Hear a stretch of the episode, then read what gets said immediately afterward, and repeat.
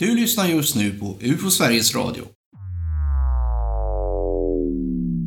I och med den här podden så introducerar vi en ny serie i UFO Sveriges Radio som vi kallar Årsdagar. Och vad menar vi med det? Jo, vi uppmärksammar alltså UFO-fall som så att säga fyller år, det vill säga som inträffade för ett antal år sedan, just den dag då vi sänder podden. En sån här årsdag som närmar sig är den kända Gösta Karlssons observation i Ängelholm den 18 maj 1946. Alltså för 75 år sedan. Men idag ska vi ta upp ett annat fall som fyller jämnt. Det stämmer. Det gäller Lars Törns observation i Skillingaryd den 6 maj 1971. Alltså för exakt 50 år sedan just idag. Det här fallet blev oerhört uppmärksammat på 1970-talet, främst tack vare de fotografier som vittnet lyckades ta. Och eftersom vi idag då kommer att prata om just de här fotografierna så uppmanar vi lyssnarna här att gå in på UFO Sveriges webbsida och kolla på det fallet som handlar just om Skillingaryd. Där man kan se de bilder som vi hänvisar till under podden. Länken till webbsidan finns i beskrivningen till den här podden. Och fotografierna, de ansågs när de publicerades vara världens bästa bilder av ett UFO. Men frågan är nu, håller de här bilderna för en granskning och vad föreställer de egentligen?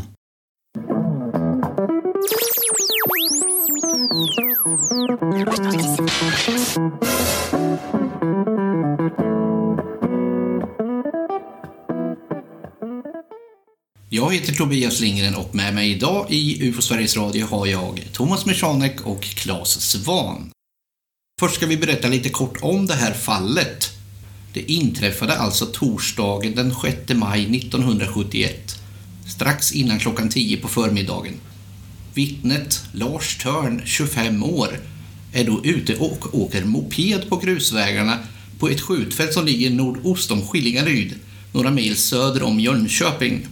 Han har också med sig sin fyraårige son. Vad är det som händer då, Thomas? Jo, han får syn på ett flygande föremål på himlen som sänker sig ner mot marken och så bestämmer han sig för att försöka få en bättre vy för att det är lite träd och sånt som skymmer utsikten där. Han stannar mopeden, han tar med sig en liten kamera och springer upp för en sluttning mot ett skyttevärn. Där får han syn på föremålet igen i riktning mot en liten bunker som finns uppe på den här höjden. Han tar fram kameran och tar två bilder med kort mellanrum. Och efter någon minut så försvinner föremålet med hög fart. Men varken du eller jag, Thomas, har ju undersökt det här fallet. Eller pratat med vittnet. Men det har ju faktiskt du, Claes. Det här är ju, kan man säga, Sveriges mest kända bild på ett flygande tefat, får vi ändå kalla det för. För att det är ju är så unikt, klassiskt, eh, ikoniskt så att den som tänker flygande tefat, han tänker exakt den här bilden. Och Gösta Rehn använde ju den på ett av sina bokomslag eh, till och med.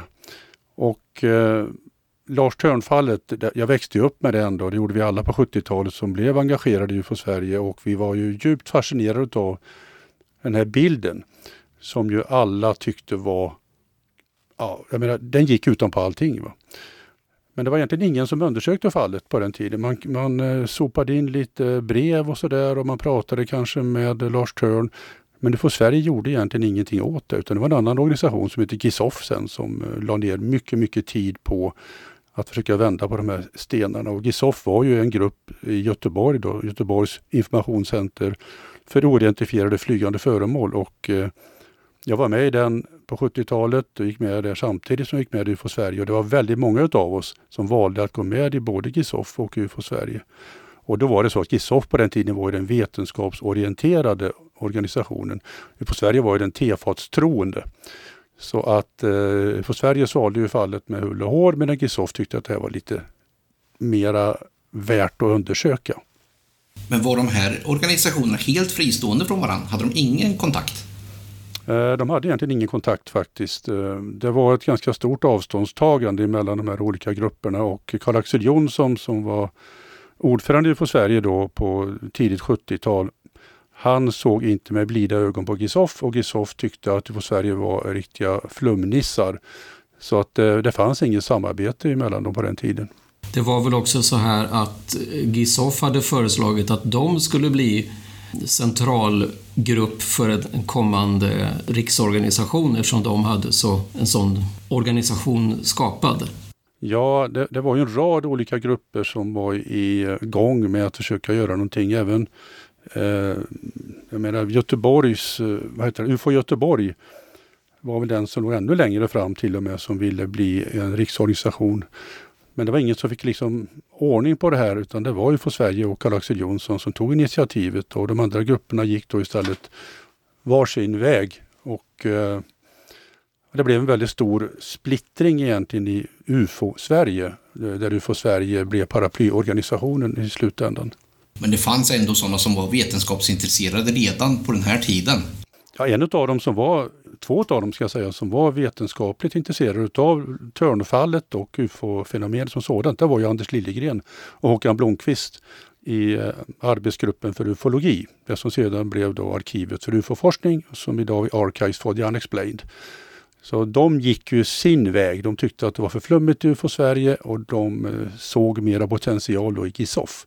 Och det kan man säga att GISOF gjorde ju sen en fantastisk undersökning av eh, Lars Törn-fallet. Men kanske vi skulle lyssna lite på hur Lars Törn själv beskrev det här för mig när jag träffade honom i december 1995. Det var ju långt efteråt, men jag sökte upp honom i hans hem då i Jönköping och då berättade han så här för mig. Ja, vi hade matkasse och sånt. Du minns jag till och med en transistor jag hade ofta det. Det var inte ovanligt. Och eh, vi, vi befann eh, oss uppe vid spänningen. Vi skulle gå upp och titta i den här bunkern. Vad meningen. Jag hade just parkerat det här ekipaget och eh, jag tror till och med att det var på det lilla sättet att jag skulle ta ett kort där på, på, eh, på Stefan. Vi skulle ha, ha de här eh, i den här vevan för jag hade, hade kameran mer eller mindre i alla fall uppackat där. Hade den med. Vad jag minns. Så, så eh, det kom norrifrån helt enkelt. Fick se, fick se, eh, fick ögonkontakt med på långt avstånd. Och eh, tänkte inte så mycket först kanske men att jag kunde fotografera det på något sätt så var det väl precis emot oss från norr mot söder. Och eh, inte speciellt fort. Så eh, jag skulle i princip kunna hunnit och tagit väldigt många bilder. Men eh, jag blev kanske rätt så stum av det här. Det stod ju mer eller mindre var så mycket lugnt och nästan stod väl stilla här för mig. Och, och när det sen går sig iväg, det, det lämnar liksom som en, eh, en slags lite rökslinga efter sig, som, som en rökring efter sig i luften. I vilket skede tog du dina bilder? Ja, det, det var under det här förloppet. Jag har mest minnesbilder för, av det. Och som har sagts tidigare, det kan kanske skilja sig från hur man ser på det långt efteråt när man har bearbetat olika saker. Du tog två kort? Ja, för mig var så. Ja. Vad tänkte du att tänkte du? Ja, jag har sett uh, olika saker i mina dagar. Jag tänkte absolut inte på uh, att det skulle vara någonting som man senare skulle uh, röra till utomjordiska saker. Det var det minsta jag tänkte på. Det, det tänkte jag inte på den här gången vid Råslätt heller för den delen att det skulle vara det. Fast eh, det som hade varit den här händelsen i skildringen. Det, nej. Det, det tror jag inte att jag tänkt någon gång egentligen att det skulle behöva vara. Jag har hamnat i pappren att jag kanske skulle upplevt det så. Det, det... Men så var det inte riktigt Nej, jag tror inte det egentligen. Att det skulle vara någonting som kom från rymden. Det har jag i så fall föreställt mig. Det kommit något väldigt stort. Fruktansvärt stort då, men inte det här. Absolut inte. Mm. Eh, nej. Det finns så mycket eh, på detta jordklotet som, eh, eh, som jag inte vet så mycket om. Det vi hörde här nu då, det var ju Lars Törn då, många, många år senare, 1995. Han sa till mig då att han hade fortfarande ganska va, han hade vaga minnen av det som hade hänt egentligen. Men han stod fast då med fingrarna på Bibeln att det som hade hänt var verkligen äkta. Det hade kommit ett föremål, det hade hängt framför honom och han hade bett då sin son Stefan att söka skydd bakom bunkern. Och när man tittar på originalbilden då ser man ju hur liten den här bunkern är i själva verket. För jag vet, när jag fick se bilden första gången då tänkte jag wow, en jättebunker, ett jättestort flygande tefat. Men bunkern är bara två och en halv meter hög och det ser man när man ser hur liten sonen är. Han var fyra år då.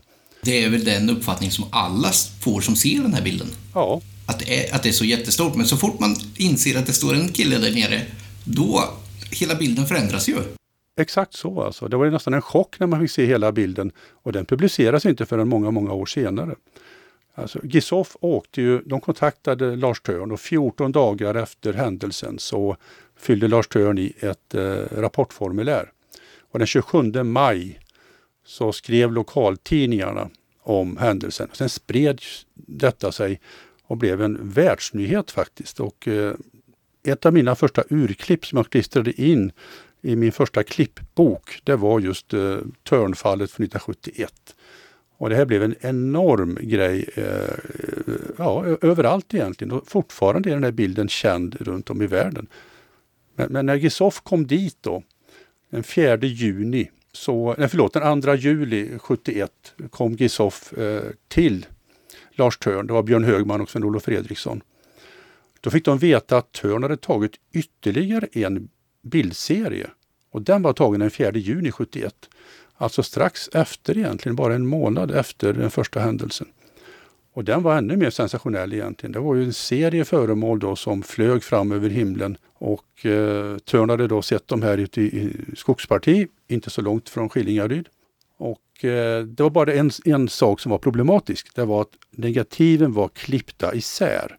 Och för er som inte var vid negativ, jag menar förr i tiden var kameran gjorda så att man tog bilder med film och så blev det en ruta för varje fotografi. Och så skulle man framkalla detta och sen kopierar man då bilder från de här. Och det hade han klippt sönder de här alltså och det saknades då tio stycken negativ. Och då misstänkte de. Det hade alltså skett efter framkallningen? Exakt. Det var en manipulation kan man säga, där han hade plockat bort bilder som han inte ville visa. Så ansåg i alla fall Björn Högman och Olof Fredriksson att det hade gått till. Va? Så de blev ju väldigt misstänksamma. Men hur kom den här händelsen till kännedom från allra första början? Vad var den första kontakten? Gjorde Törn den själv eller? Ja, det var en kamrat egentligen till honom. Hans pappa, både, både pappan och kamraten var UFO-intresserade och eh, genom kamraten framförallt så läckte det här ut till lokalpressen. Och så blev Törn kontaktad och eh, det här hamnade i tidningen. Och sen började hjulen rulla? Alltså han förstod ju inte själv riktigt tror jag vad som skulle hända. Det blev så enormt stort. Alltså. Och jag, jag pratade med Lars Törn i söndags. Han säger ju det till mig även idag då, att det här påverkar ju hans liv givetvis. Och idag tänker han inte mycket på det längre men det rörde upp väldigt, väldigt mycket under många, många år.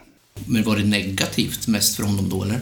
Han blev ju starkt ifrågasatt utav egentligen alla utom UFO Sverige då, som ju trodde ganska hårt på honom. Men eh, Gisoff eh, var ju hårda mot honom. 1975 så publicerade Gisoff i sin tidskrift då, Gisoff Information vad som blev världens första tredimensionella bild av ett flygande tefat. Alltså det var en stereoskopisk bild som man kunde skapa tack vare att Lars Törn, då, som ni mycket riktigt har berättade här eh, i introduktionen, han tog två bilder och inte bara det, han stod då några meter ifrån den plats han tog första bilden när han tog den andra bilden. Vilket gjorde att det blev en viss vinkel då gentemot föremålet som gick då att skapa en stereobild tack vare. Va? Så man fick med då ett par glasögon med ett rött öga och ett blått öga med GISOF-information och så fick man ett fotografi tryckt då där den ena bilden var gjord i rött, den andra var gjord i blått. De låg lite ur fas från varandra. Och när man tittade på detta med de här stereoskopiska glasögonen, då såg man ett föremål hänga i luften i tre dimensioner. Det var en fantastisk upplevelse. Jag, jag blev oerhört fascinerad av detta och det var ju egentligen ett fantastiskt arbete som Lars-Erik Svenberg då, som var den på Gisoff som gjorde det här, hade genomfört. Men vad Gisoff också kunde visa, och som man inte publicerade faktiskt förrän två år senare, det var ju att bilden föreställde ett föremål som var väldigt litet. Det var inte större än en navkapsel på en bil. Och det var också det man misstänkte att eh, Lars Törn hade, hade fotograferat. Eh, och det skrev man också då i, i artikeln. Fotografierna otvivelaktigt äkta, men är vittnesberättelsen sann, löd rubriken då i Gisoff Information 1977. Och det trodde man inte då. Man trodde att Lars Törn hade hängt upp det här eh, navkapseln eller navkapslarna från en Chevrolet i en fisklina som gick emellan en eh, liten eh, krok som fanns i den här bunkern till ett träd som är till vänster på bilden. Detta förnekar ju då Lars Törn bestämt. Men det är ingen tvekan om att föremålet är inte så himla stort utan det är kanske ett par decimeter stort bara. Eh, det kan man bevisa och de har lagt ner ett enormt jobb på detta Gisoff. Jag har en pärm här hemma som är 9 cm tjock. Fullproppad med deras utredning om Lars Törnfallet. Man gjorde en undersökning och kom fram till att fotografierna var ju helt äkta. Det var alltså inte något inkopierat, det var inget manipulerat med negativen och någonting sånt. Det var ju det man från början såg. Då därför man blev så imponerad också från början att det här är ju ett fantastiskt foto. Men samtidigt är det ju som du sa Claes, att man blev ju lite misstänksam också när han började komma med massa andra upplevelser och fotografier. Därför att det är ju inte så vanligt kanske att vittnen har väldigt många olika observationer, men Lars Törn, han tycks ha haft ett väldigt stort intresse av tefat, eller hur? Han säger ju då att han redan som liten då såg han ju då små varelser som var fem centimeter stora flyga omkring då bland grenarna hemma i trädgården. Och han upplevde också i drömmar att han mötte varelser och fick information utav dem på några olika sätt. Va? Och när han var sex år gammal då såg han någonting som såg ut som en toppen på en, eh, en folkvagn, en sån där bubbla som stack upp ur en mosse. Och eh, pappan tror jag det var sa till honom att det, nej, det där är bara en bil. Liksom då. Men det tolkade Lars Törn som att det nog var någonting annat. Och sen fortsatte detta egentligen. När han var 12 år då träffade han en flicka som försvann i en bil på en plats där det inte gick att köra bil. Och sen har det egentligen, eh, jag menar när Anders Liljegren pratade med honom till exempel 1971 i, i oktober 71 så berättar ju Törn en ännu mer fantastisk historia för Anders Liljegren. Att han hade varit så nära en landad farkost att han egentligen bara var ett par meter ifrån den. Och att han hade tagit fotografier, eller åtminstone ett fotografi utav den här landande farkosten. Det är i så fall om de bilderna skulle ha visats för någon, vilket han inte har gjort. Det är ju fullständigt sensationella bilder och jag, jag, jag frågade ju Törn om det här 95 redan då, men han visste då inte, han kom inte ihåg den här händelsen riktigt, vilket borde ha varit ännu mer eh, minnesvärd än händelsen vid eh, skjutfältet i Skillingaryd. Men han gjorde inget av det här under resans lopp då på 70-talet? Nej. Jag menar visa de här grejerna eller ville, ville att det skulle komma fram? Nej, det, det gjorde han inte. Han eh, var inte mycket ute för att tjäna pengar eller för att eh, promota sig själv eller något sånt. Sånt ägnade han sig egentligen inte åt utan det var andra som han anser kanske har utnyttjat honom genom åren eh, och hans observation. Han säger till mig att han var förföljd, förföljd av myndigheterna. Eh, exakt vad de ville och var ute efter har han egentligen aldrig kunnat berätta men Hösten 71 tog han ännu en bild faktiskt då, som han säger föreställer ett ovalt föremål med en utstickande vinge på som var 400 meter ifrån honom. Och då blev han förd till en psykklinik av, av en eh, vän då, som tyckte att han hade för mycket fokus på flygande tefat. Så, så rullade det på. Va? Men, eh, och 1973, och det ska vi lyssna på för det berättade han för mig i inspelningen från 95, så var han med om en sak hemma i Jönköping i Råslätt. Klockan var 15.50 och han såg då en liten skiva som var ungefär 80 cm stor som kom och rörde sig inte långt ifrån honom. Vi kan lyssna på det. Var ni i bilen då? Eller utanför? Nej, nej, vi stod utanför, vi stod utanför 109 ingång precis. Utanför entrén, skulle just gå in. Det ligger så öppet just där uppe vid Havsensgatan.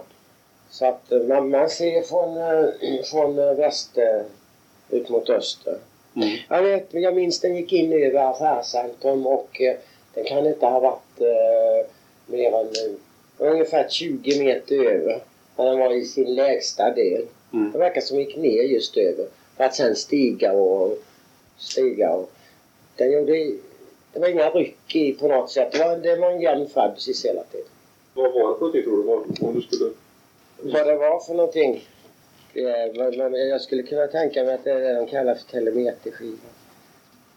Det, det är ju ingenting som man kan tro att det skulle vara bemannad farkost. För det skulle vara oerhört små människor så fall. Det tror Mm. jag absolut inte. Jag har funderat mycket.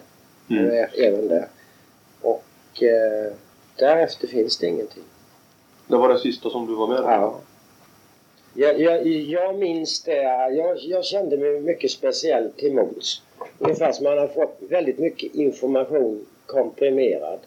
Det tog väldigt lång tid att smälta det. Så här stängde det runt omkring mig. Ventilerade inte det där.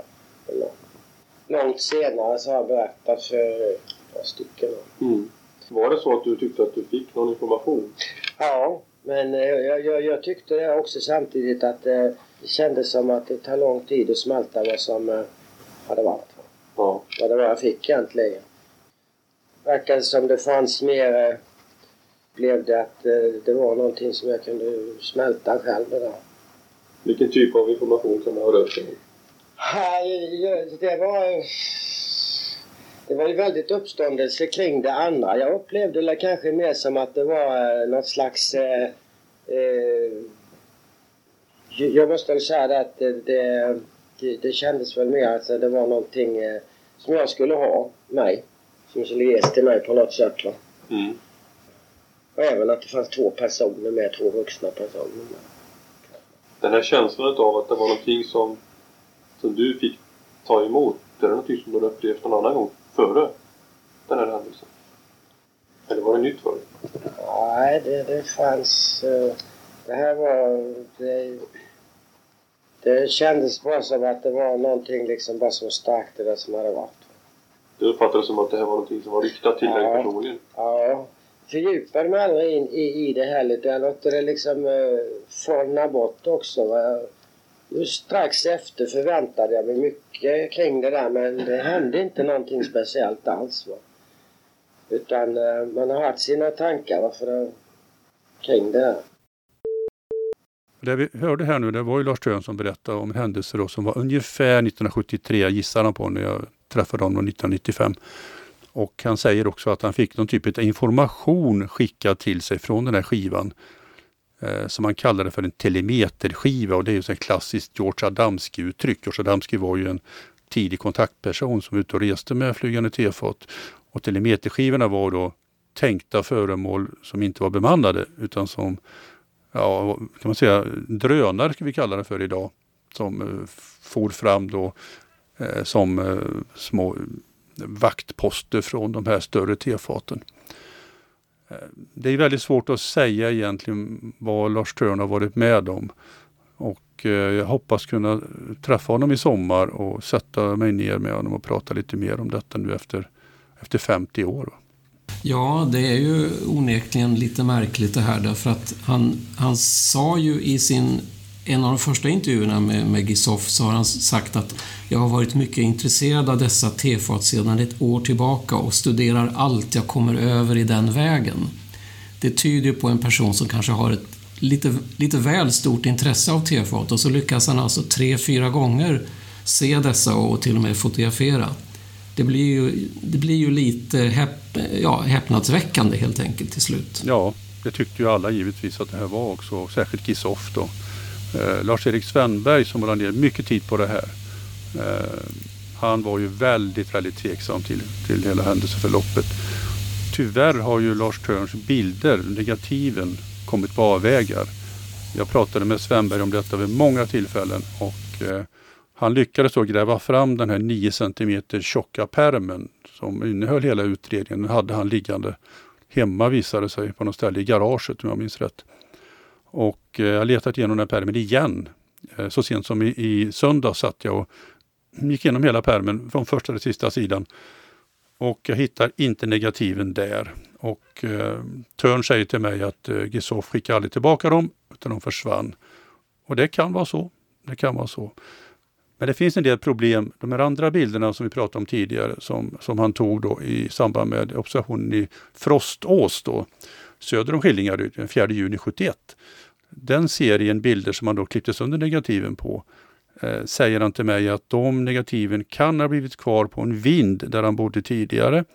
Och den vinden låstes sen utav hyresvärden och när han flyttade fick han inte tillgång till vinden och sannolikt är allting utrensat där idag. Jag tänker så här att när man läser det här fallet så kanske man funderar över den här sonen som var fyra år gammal. Han kanske inte minns så mycket av den här händelsen men eh, man undrar ju lite grann om kontakter med honom och kanske även med mamman till, till sonen om man har försökt att nå dessa personer. Eh, det var ingen på den tiden som försökte nå sonen. Och klart, är man fyra år så kanske man inte minns jätte, jättemycket. Han är borta idag då, tyvärr. Och, eh, mamman har ingen vid något tillfälle eh, talat med så vitt jag vet. Och jag har inte heller varit i kontakt med henne. Jag skulle nog säga att det är givetvis bra alltid att tala med eh, personer i sådana här ögonvittnes närhet de kan ha saker att säga som är viktiga. Och nu vet vi ändå ganska mycket om Lars Törn, att han hade rätt mycket fantasi. Han ansåg sig stå i kontakt med utomjordingar vid några tillfällen, även om man inte sa att det var utomjordingar alltid. Va? Eh, man, ska, man ska ge honom den credden tycker jag ändå att eh, han säger ju då att eh, han vet inte vad detta var. Det kan vara någonting från jorden, det kan vara något militärt, det kan vara någonting som man inte förstår. Eh, och vi har inte kunnat bevisa att han ljuger, även om allting visar att föremålet inte var 12 meter stort, utan kanske några decimeter bara. Det, där har han ju uppenbarligen fel. Va? Och att det var mycket närmare honom än vad han har eh, beskrivit också. Det har han ju också fel då. Men om det gör honom till en lögnare, till en förfalskare, det går ju inte att säga och det kan inte vi heller slå fast. utan det, den här bilden hänger ihop med andra bilder som Christer Sundströms bild från Värnamo 21 mars 74 och massa andra unga grabbar i 20-årsåldern som tog bilder på 70-talet. De hänger på den väggen där en hel del av de här grabbarna har erkänt i efterhand och sagt att jag fejkade den här. Men Lars Törn och Christer Sundström vidhåller fortfarande, trots att mycket pekar på att det är tveksamheter, att deras bilder är äkta och deras historia är äkta. En annan sak som jag också tycker pekar på att hans historia inte riktigt håller. Och det har att göra med det här att han säger, att han säger åt sin son att ta skydd vid bunkern eftersom han blev rädd. Och jag får inte riktigt att det gå ihop, för att när man lyssnar på eller läser om hans beskrivning av skeendet så verkar det som att det inte riktigt går ihop. Jag tänkte citera lite grann en redogörelse som finns. Det här gäller alltså Lars Törner vid observationen. Han stannade, hjälpte snabbt sonen Lars av och slängde ifrån sig mopeden. Han sprang upp längs en liten stig samtidigt som han upptäckte att han tappat ögonkontakten med objektet. Han lämnade stigen och där till vänster om bunken över kullens krön stod objektet. Här gällde det sekunder. Fort upp med kameran, första bilden tas stående. I all sin iver glömde han ställa in kameran, den andra bilden tog han knästående efter att ha ändrat exponeringen något. Om man nu tänker på den här beskrivningen så är det inte så många sekunder som går där från att han lämnar mopeden tills han har fotat. Det är kanske 10-20 sekunder. Och sonen är fyra år gammal och han ska alltså också knata upp för den här ganska branta sluttningen, passera pappan, ställa sig 12 meter bort vid bunkern och sen kommer Lars att ta sina foton. Jag får inte den historien att gå ihop. Nej, nej men... Har du tänkt i de banorna också eller?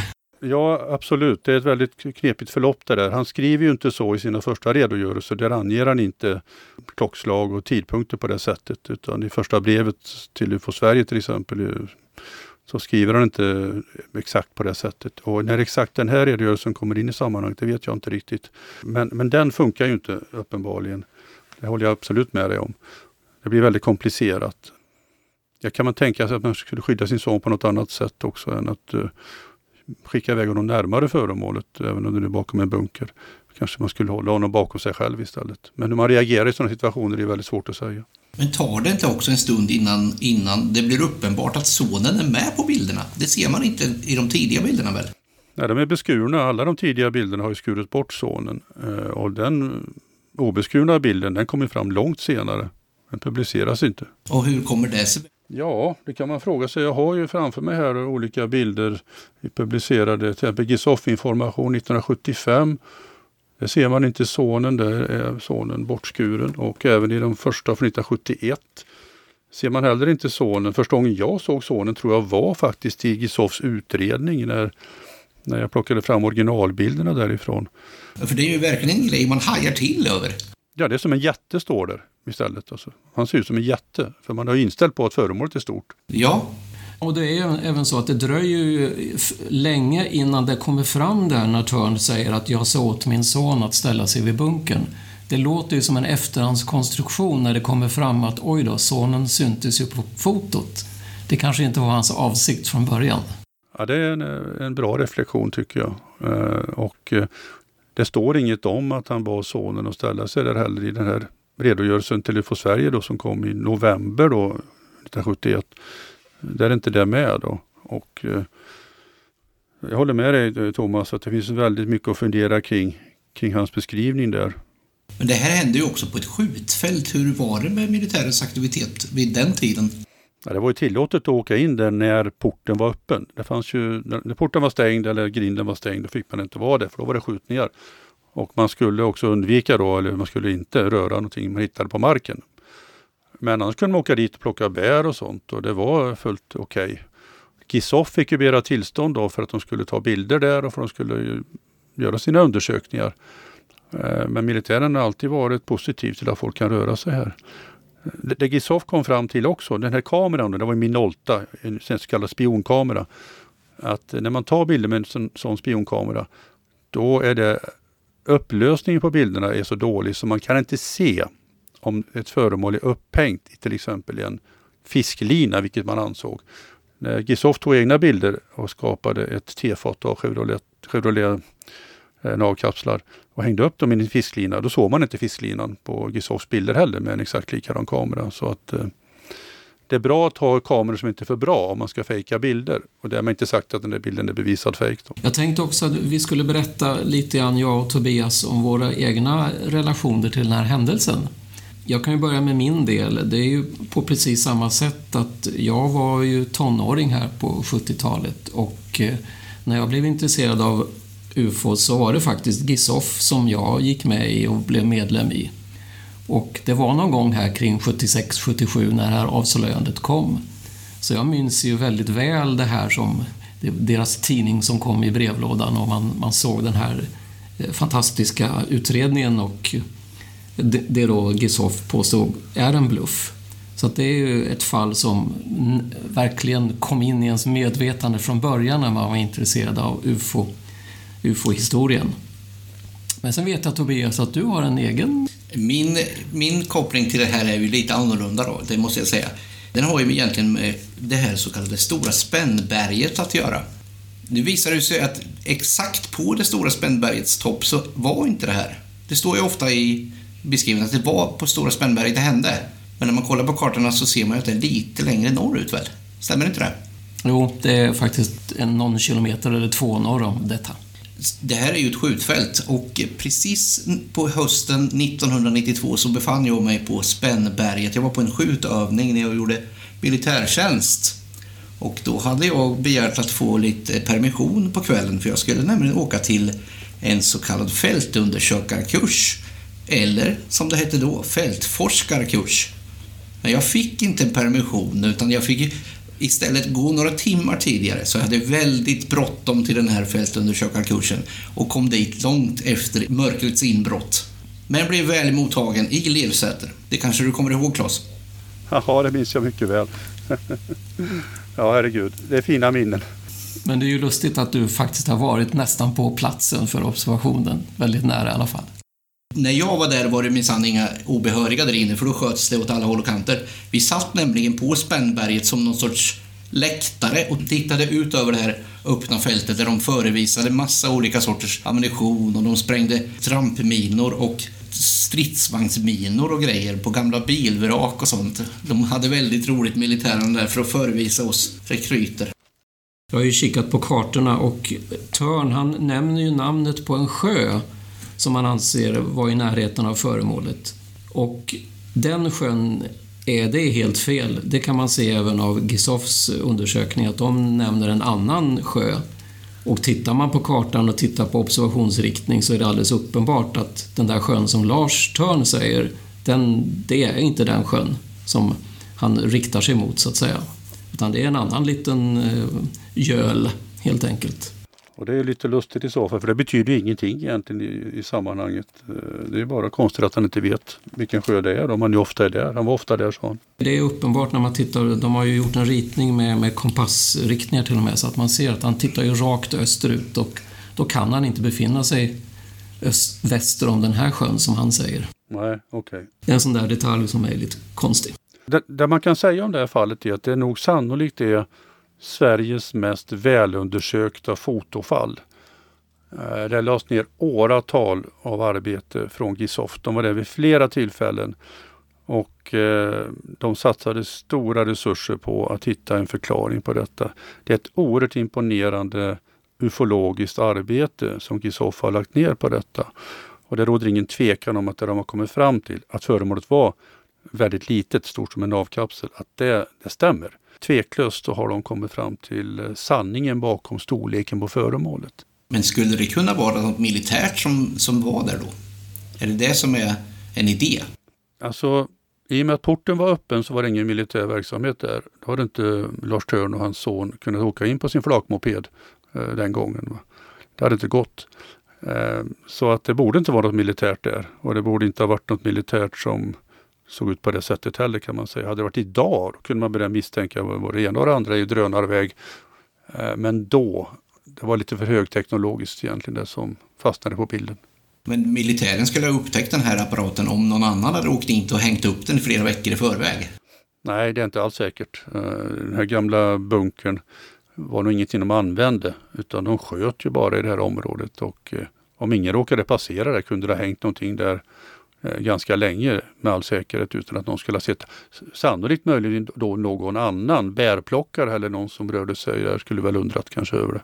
Det skulle ju möjligtvis eh, tala i, i Lars eh, favör då att han misstog sig på ett föremål. Att han inte gick fram och tittade och såg det hänga där. Men samtidigt sa han ju att det försvann i en jättehög hastighet också efter en minut.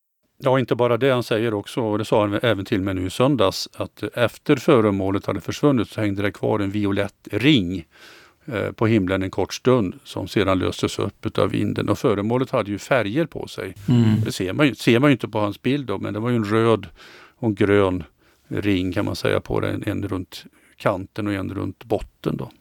Det ska vi ju säga att alla de här bilderna som vi pratar om, de kan man nu se på UFO Sveriges webbsida, ufo.se. Så det tycker jag att ska gå in och kolla noga. De är ganska spännande faktiskt.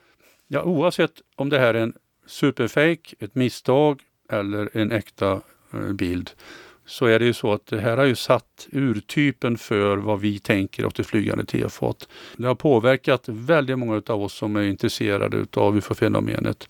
Man kommer inte ifrån Lars Törns bilder hur man än bär sig åt faktiskt. Men är de extremt tidstypiska?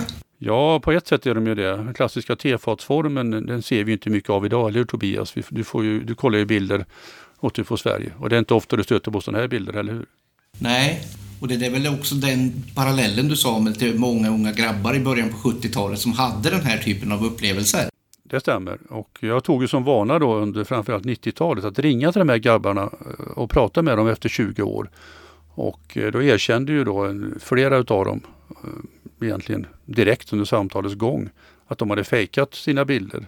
En hade hängt upp till exempel en modell av ett flygande tefat i sin mammas hårstrån som han hade fått tag på i någon hårborste och gjort då i väldigt snillrik konstruktion. Och det finns flera sådana misstänkta bilder som jag har varit på men som jag inte kunnat få dem att erkänna eller att de inte har velat svara. Jag har en kille här i Stockholm som tog klassiska bilder på 70-talet som jag gärna vill veta. Jag har skrivit brev till honom han har inte svarat, han har inte svarat på samtal. Man vill gå till botten med det innan, innan det går för lång tid kan jag känna.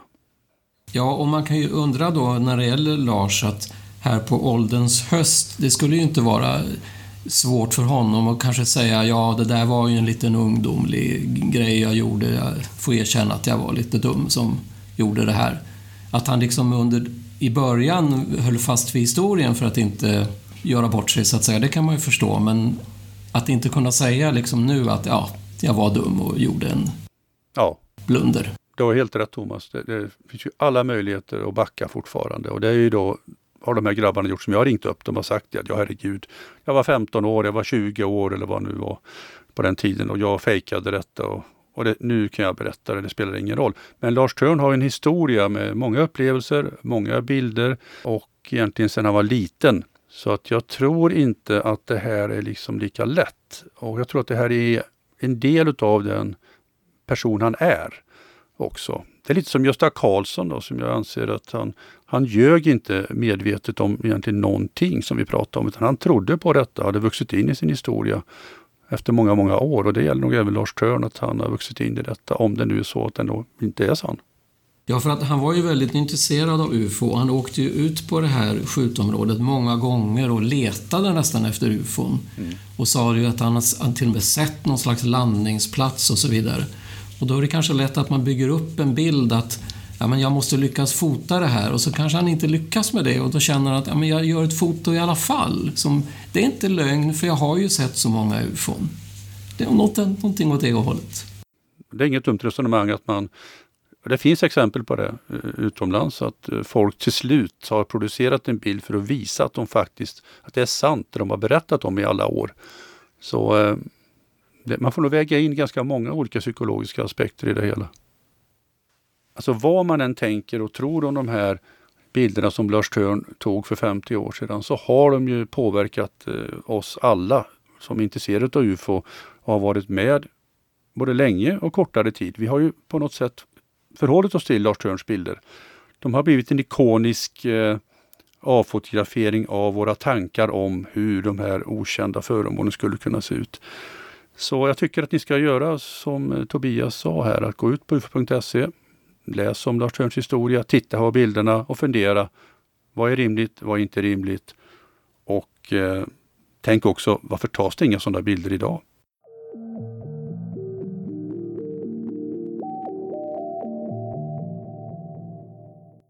Och så glöm inte att UFO Sverige även finns i sociala medier. Diskutera gärna där. Du hittar UFO Sveriges Radio på de flesta ställen där man hittar poddar. Och du lyssnar precis när du vill. UFO Sveriges Radio görs som vanligt av Riksorganisationen UFO Sverige. Ni som tycker att det verkar spännande och vill veta mer eller bli medlemmar hittar adekvat information på ufo.se.